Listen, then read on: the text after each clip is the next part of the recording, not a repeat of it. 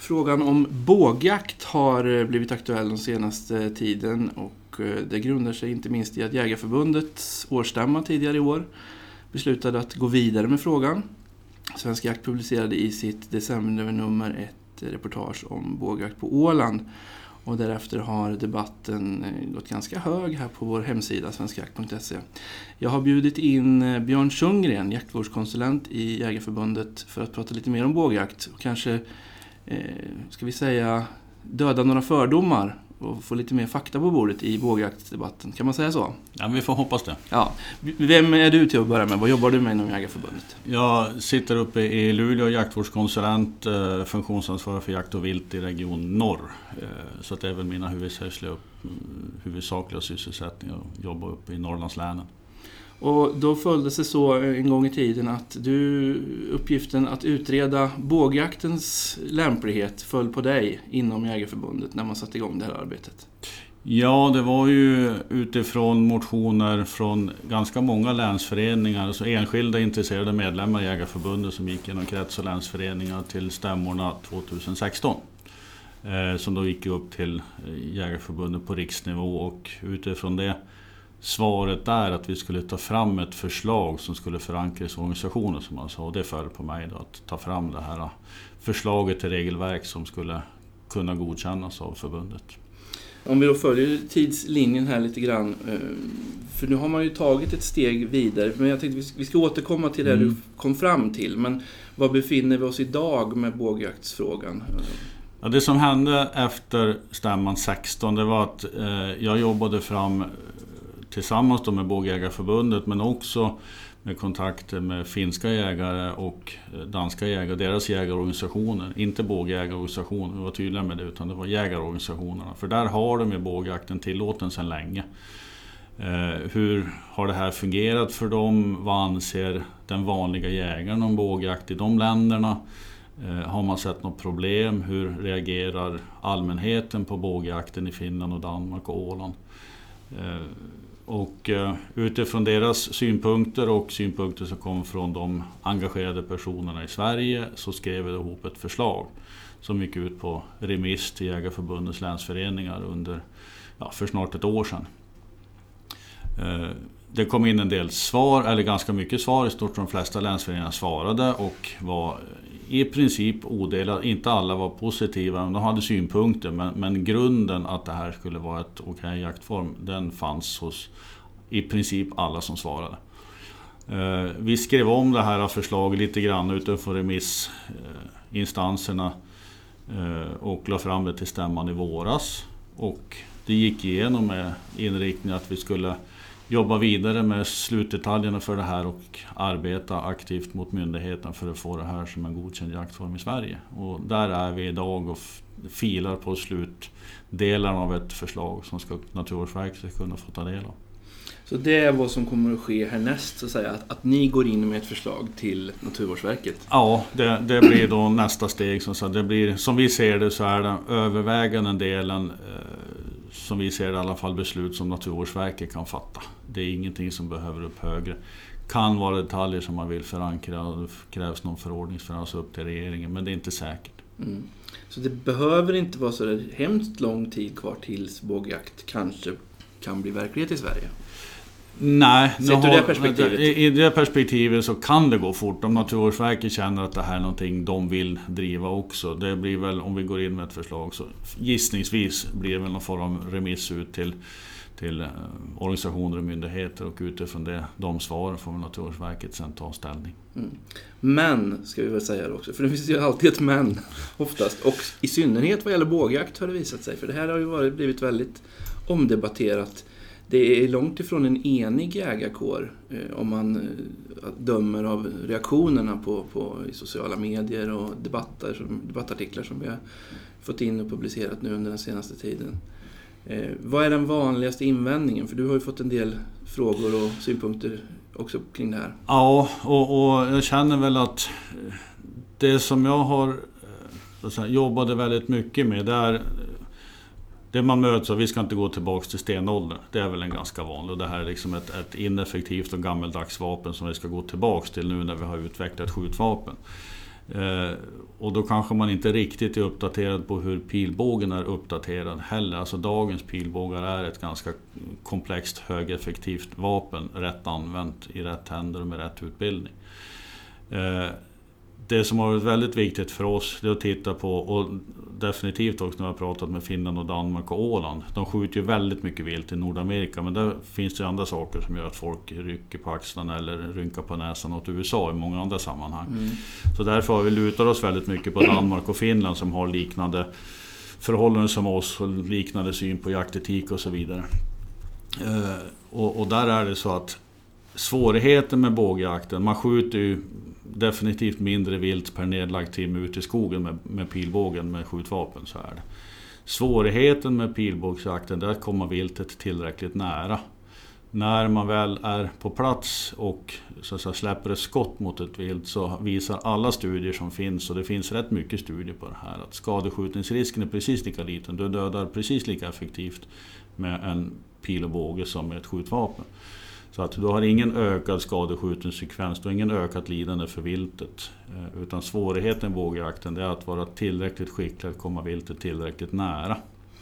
Eh, och Sen kanske inte alla tycker det är jätteroligt, man vill ha effektiv jakt och man vill skjuta mycket vilt och så vidare. Och då är det upp till dem att göra det.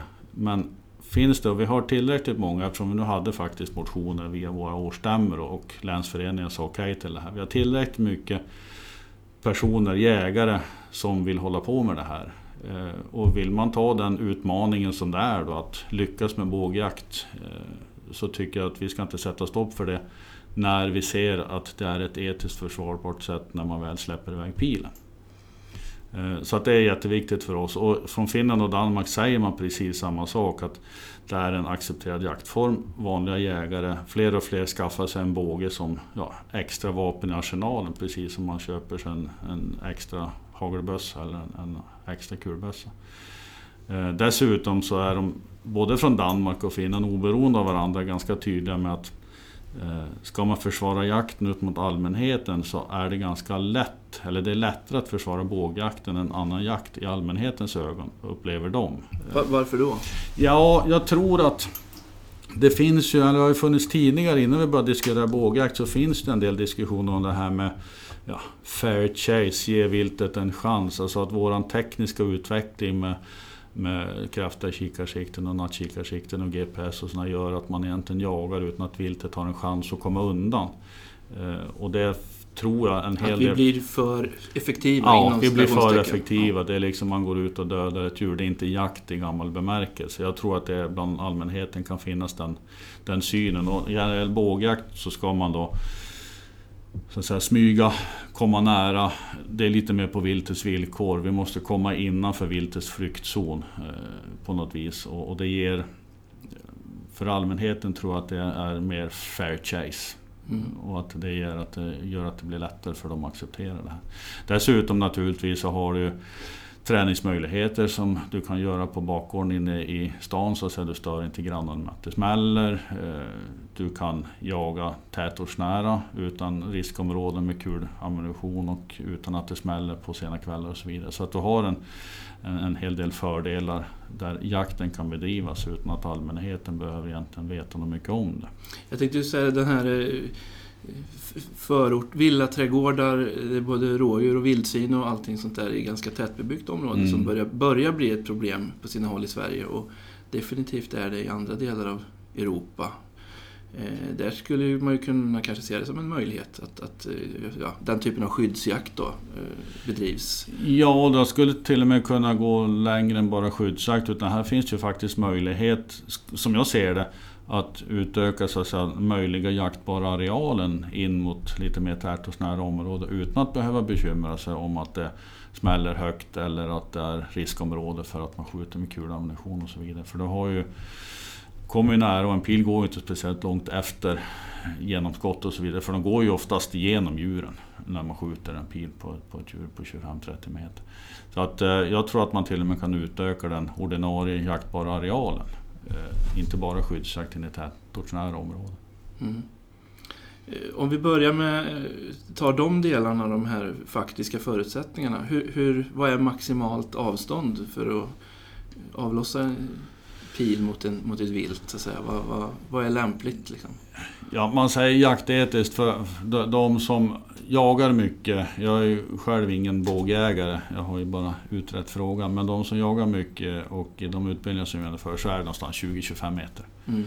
Eh, där, där ligger gränsen för ett korrekt avlossat skott. Mm. Ja, jag, har ju, jag har själv provat att skjuta på tavla då med, med en sån här compoundbåge, heter mm. de de här mm. riktiga. Och, och, det var ju faktiskt en liten eh, överraskning för mig. Jag hade heller ingen koll överhuvudtaget på det här tidigare. Men det är ju en väldig kraft i det, måste jag säga. Överraskande kraft och så när man då i kombination med de här pilspetsarna, de här skärbladen där, så, så inser man ganska snabbt att det här, är, det här dödar nog rätt så bra det här också. Ja, jag är själv lite förvånad när man ser de här olika försöken som är gjorda där man eh, till och med skjuter genom överarmsben, alltså lårben på älgar om man är inom håll. Mm. Så är det, eh, det är inte så att man måste smyga in någonstans där det inte sitter några ben i vägen. Utan de här pilarna, de här pilbågarna, den trycker rakt igenom både revben och eh, vanliga ben, så mm. rörben. Men det ska man ju det har, och det har ju dykt upp i debatten också lite grann, här diskussionen eller vad man ska säga. att finns olika tro, tro blandas med vetande lite grann här. Hur pilen dödar i, för, jämfört med en kula då, så mm. säga, som avlossas. Vad kan man säga kort där? Pilen blodar ju av, den skär av kärl och vävnad. Ja, alltså egentligen så är det så att på sätt och vis kan man säga att kulskott och pilskott gör samma sak. Du skjuter ju in i brösthålan, du har ju, det är ju träff i hjärt och lungparti som man eftersträvar. Men kulan expanderar ju och trasar sönder och slår sönder så mycket blodkärl som möjligt för att bloda av i, i kroppen.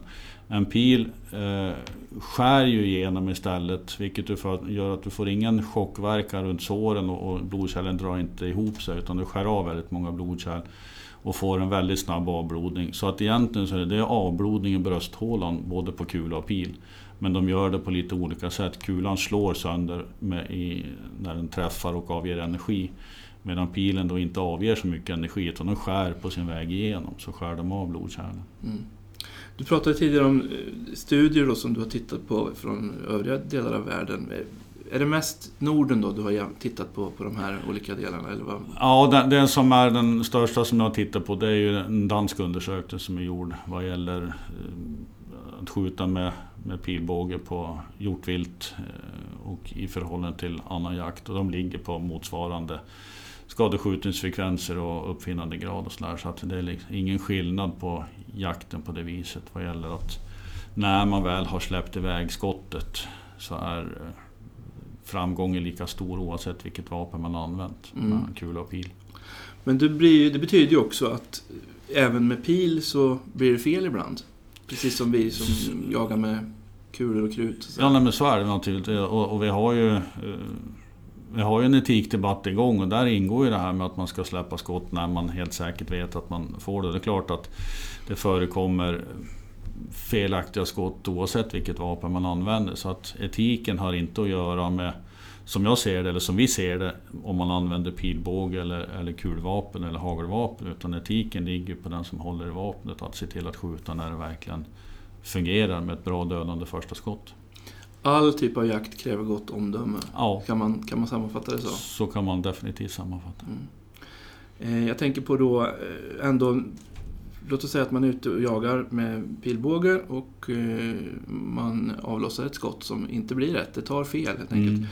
Eh, skadskjutning med pilbåge kontra skadskjutning med kula eller hagel till och med.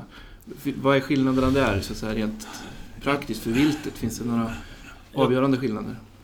Ja, det, man, det man väl har sagt och tittat på här det är väl att beroende lite på var någonstans det här felaktiga skottet sitter. Men pil ger ett väldigt rent snitt. Eh, som möjligtvis om man har en, en träff någonstans långt ut i muskulaturen har lättare att läka ihop än ett kula som slår sönder och spränger mycket mer.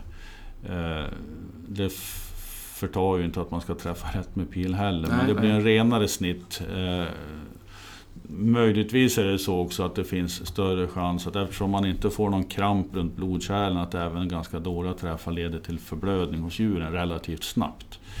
Eh, så, men det är väl den stora skillnaden, du får inte den söndertrasade muskulaturen utan du får rena snitt istället med en pil. Och ett bukskott exempelvis är, är, lika illa oavsett om det Ja, är det, med kula eller med pilbåge. Ja. Mm. Ja, men det är klart att det är ju så. All jakt är ju, är ju förenad med viss risk så att säga. Och, och det är på skyttens ansvar. Så, så är det ju alltid oavsett vad man använder för, för vapen. Så. Mm. Ehm, vi har pratat om eh, att det varit det snack om att det är ett steg tillbaka, för ett, ett argument som anförs ibland. Ehm, men också eh, det här med hur allmänheten uppfattar saken. Mm. Alltså en farhåga som man ser bland jägarna då, ett argument för att inte tillåta pil, pilbågsjakt. Att det här kommer att kunna uppfattas fel av allmänheten. Och, och exemplet då som tas upp är ju liksom en, en, en skadskjut, ett skadskjutet vilt som springer omkring med en pil eh, som hänger ut någonstans i Mm. kroppen. Eh, vilket blir väldigt eh, visuellt tydligt Mm. och så vidare. En, en eh, påskjuten eh, ett rådjur som är påskjutet av hagel till exempel syns ju inte på samma sätt. Ehm, så det, det, det argumentet har ju, har ju anförts då så att säga lite grann. Vad, vad, finns det mer att säga kring det? Ja, men det här är naturligtvis en oro som finns och eh, det har ju förekommit en del bilder i pressen med djur som har pilar i. Så i stort sett alltid så är det eh, inte fullvärdig utrustning och det är inte pilar med jaktspets utan det är tavelpilar och någon som har varit dum nog att prova på det här. Så att vid rätt, till, rätt tillfälle, rätt avstånd på viltet med rätt utrustning så är det inte speciellt troligt att det kommer hänga några pilar ut igen för de går rakt igenom ett rådjur. Det, det är liksom ingenting som stannar på utsidan om man inte gör fel och skjuter på alldeles för långa håll och så vidare. Så att eh, jag tror att risken, och, när man tittar på som sagt att det skjuts ändå ganska mycket i, i både Danmark och Finland och vi har inte sett den här eh, reaktioner från allmänheten i någon av de länderna, eller Åland likadant. Då. Eh, så känner vi oss ganska trygga just med att kunna jämföra eller titta på den här jaktformen i länder som liknar oss vad gäller jaktetik och allmänhetens syn på jägare och jakt och så vidare.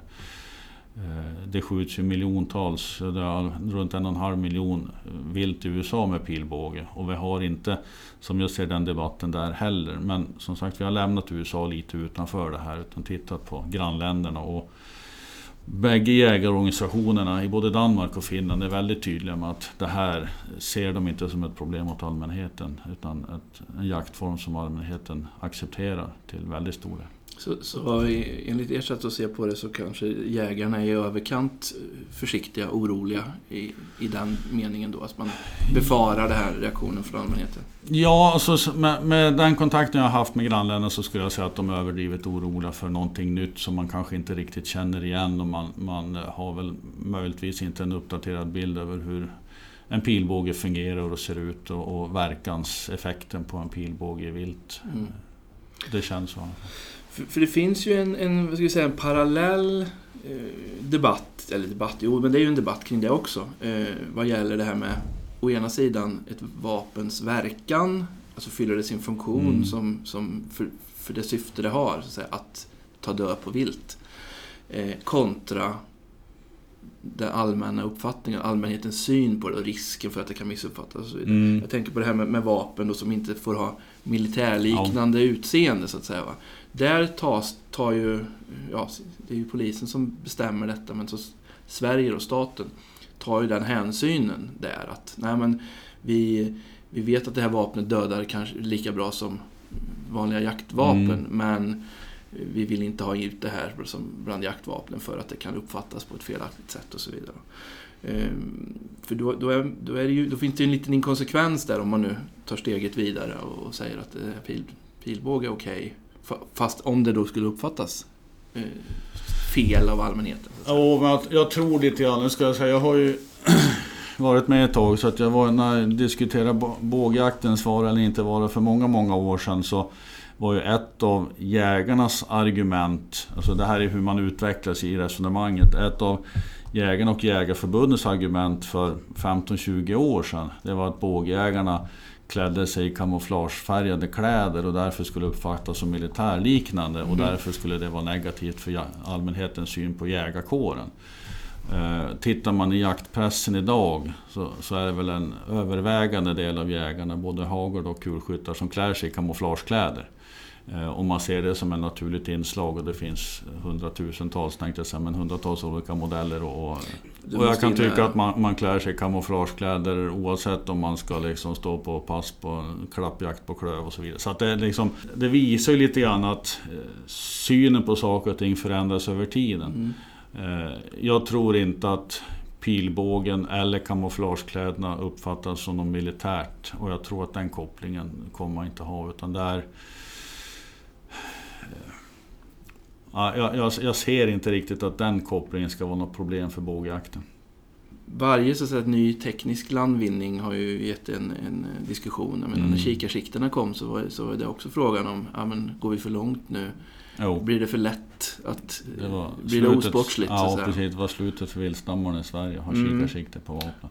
Så, så i den meningen då, de, den som anförde argumentet borde ju då med, med samma resonemang så att säga, förordar den här tillbakagången till ursprunget, alltså den här lite mera jakt, ja, men så här, jägarjakten. Och, så att säga. Ja, precis. Och, och ska man dra någon parallell för att liksom jämföra, för, för det är som sagt, jag se den som håller på med, eller kommer att hålla på med pilbåge, de som gör det idag.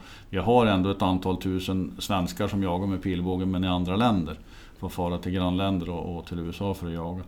Men, men, det är ju att man lägger ner oerhört mycket mer tid i terrängen för varje nedlagt vilt. Och det får man ju ta sin egen ställning. Jag brukar dra lite paralleller när jag försöker förklara med att man ska få fisk på bordet för att äta upp det. Så det är klart man kan slänga ut ett nät i sjön och sen så låter det ligga där så kommer man hämta tillbaka det och så får man en, en bytta full.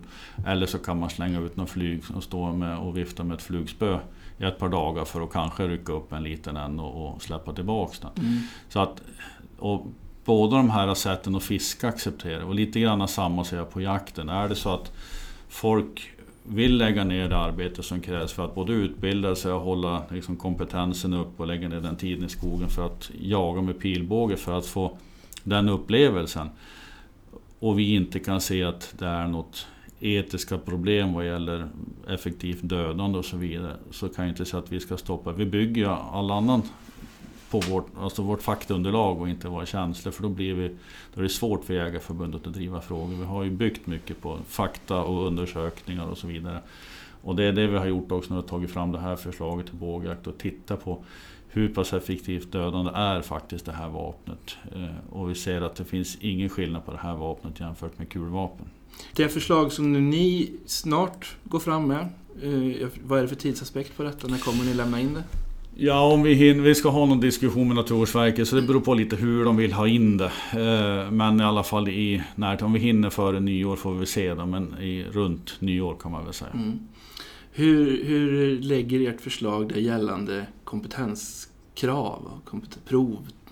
Ja, som det är vårt förslag, och det var ju årsstämman väldigt tydlig på, att kravet är ju att man ska ha jägarexamen i botten. Eh, komplett jägarexamen, man ska ha licens på vapen. Eh, samma vapen i den klass man tänker jaga viltet så med pilbåge. Eh, sen finns det också en eh, sen gammalt erkänt internationell bågjägarexamen som vi tänker väl i stort sett kopiera rakt av. Eh, som innehåller obligatorisk utbildning, eh, ett teoretiskt prov och ett skytteprov. Så att eh, man måste visa upp att man klarar av både så att säga, tänka rätt i provet och faktiskt hantera vapnet på rätt sätt också. Och den eh, provtagningen, eller den eh, hanteringen skulle också då ligga inom ramen för Naturvårdsverkets jägarexamens Ja, där, där, register eller motsvarande? Någonting motsvarande sånt i alla fall. Det blir någon, som vi tänker oss i vårt förslag. Sen får vi se vad Naturvårdsverket, mm. hur de ställer sig till det. Men vårt förslag är nog så att det blir någon form av, av, av myndigheten kontrollerat register, att man har genomfört sina sina provexamen. Ja. ja vi, får, vi ska understryka också att det här är ju väldigt hypotetiskt än så ja, länge.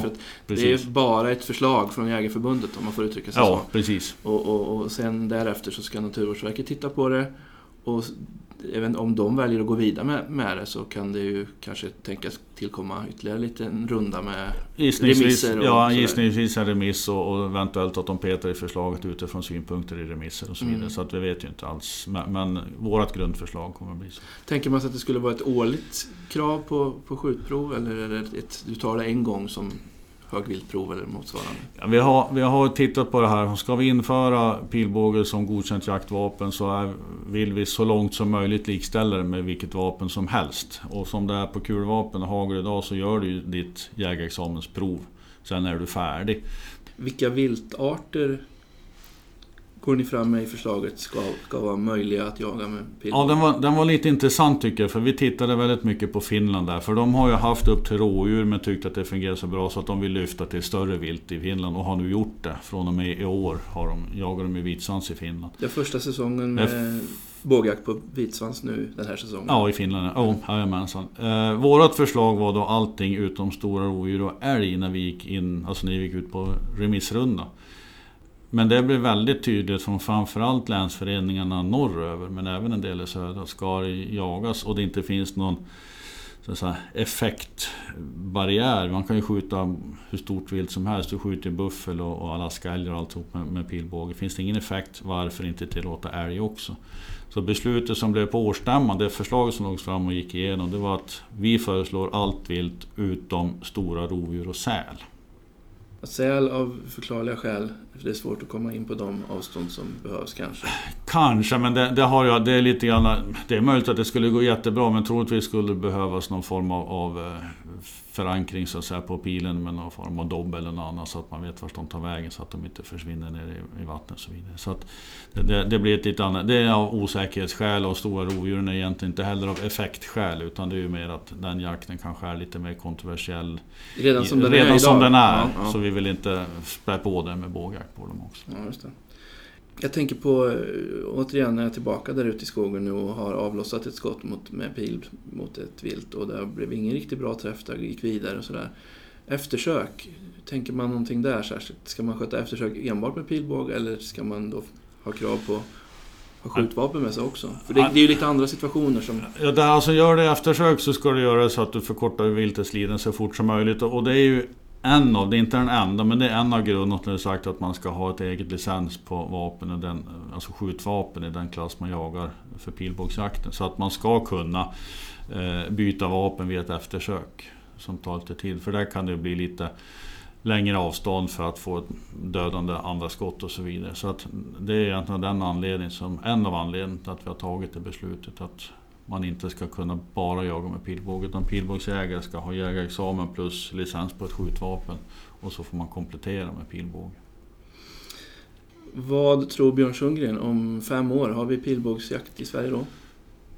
Ja, jag har, om fem år så tror jag ganska garanterat det. Jag har svårt att se att Naturvårdsverket ska hitta motiv till eh, att säga nej när vi har så pass bra erfarenheter från Finland, Danmark och Åland i vårt närområde. Skulle eh, de här reaktionerna från jägarkåren, så att säga, alltså att, att det, det faktum att jägarkåren är oenig i frågan, skulle det kunna tas som en intäkt från Naturvårdsverkets sida då? För att inte gå vidare med det? Alltså de ser att nej men ni är ju inte ens överens inom jägarkåren, då, då vill vi inte gå vidare med det här. För det är väl rimligen inga andra intressegrupper som driver på för bågjakt än just jägarna? Nej, men så är det naturligtvis. Och, och det är klart att finns det folk inne på Naturvårdsverket som är, är tveksamma av olika skäl, kanske av samma känslomässiga skäl som de som nu är negativa i pressen, så kan de säkert använda det som argument. Men nu har vi ju ändå en eh, Jägarförbundet har gått fram med det här och har en enig årsstämma bakom sig att vi ska jobba mot det här. Så att det känns ändå som att eh, vi har bra stöd i ryggen för att det här ska vara någonting vi ska jobba med. Eh, och naturligtvis eh, någonting nytt, eh, någonting okänt eh, om man är orolig. Och med all respekt för de som är oroliga för att, det, att man ska tappa den höga acceptans vi har för jakten. Om man tycker att det här kanske är ett sätt att liksom gå ut i gråzonerna om man är orolig för det här. Så har jag all respekt. Och det är väl bra att man är rädd om synen på jakten från allmänheten. Det tycker jag är positivt. Men jag tror att man kanske ska möjligtvis titta på andra delar i jakten som väcker större bekymmer hos allmänheten än bågjakten. Björn Sundgren, tack för att du tog dig tid. Tackar. Du som har lyssnat har lyssnat på eh, Svensk Jakts eh, oregelbundet återkommande webbradiosändning.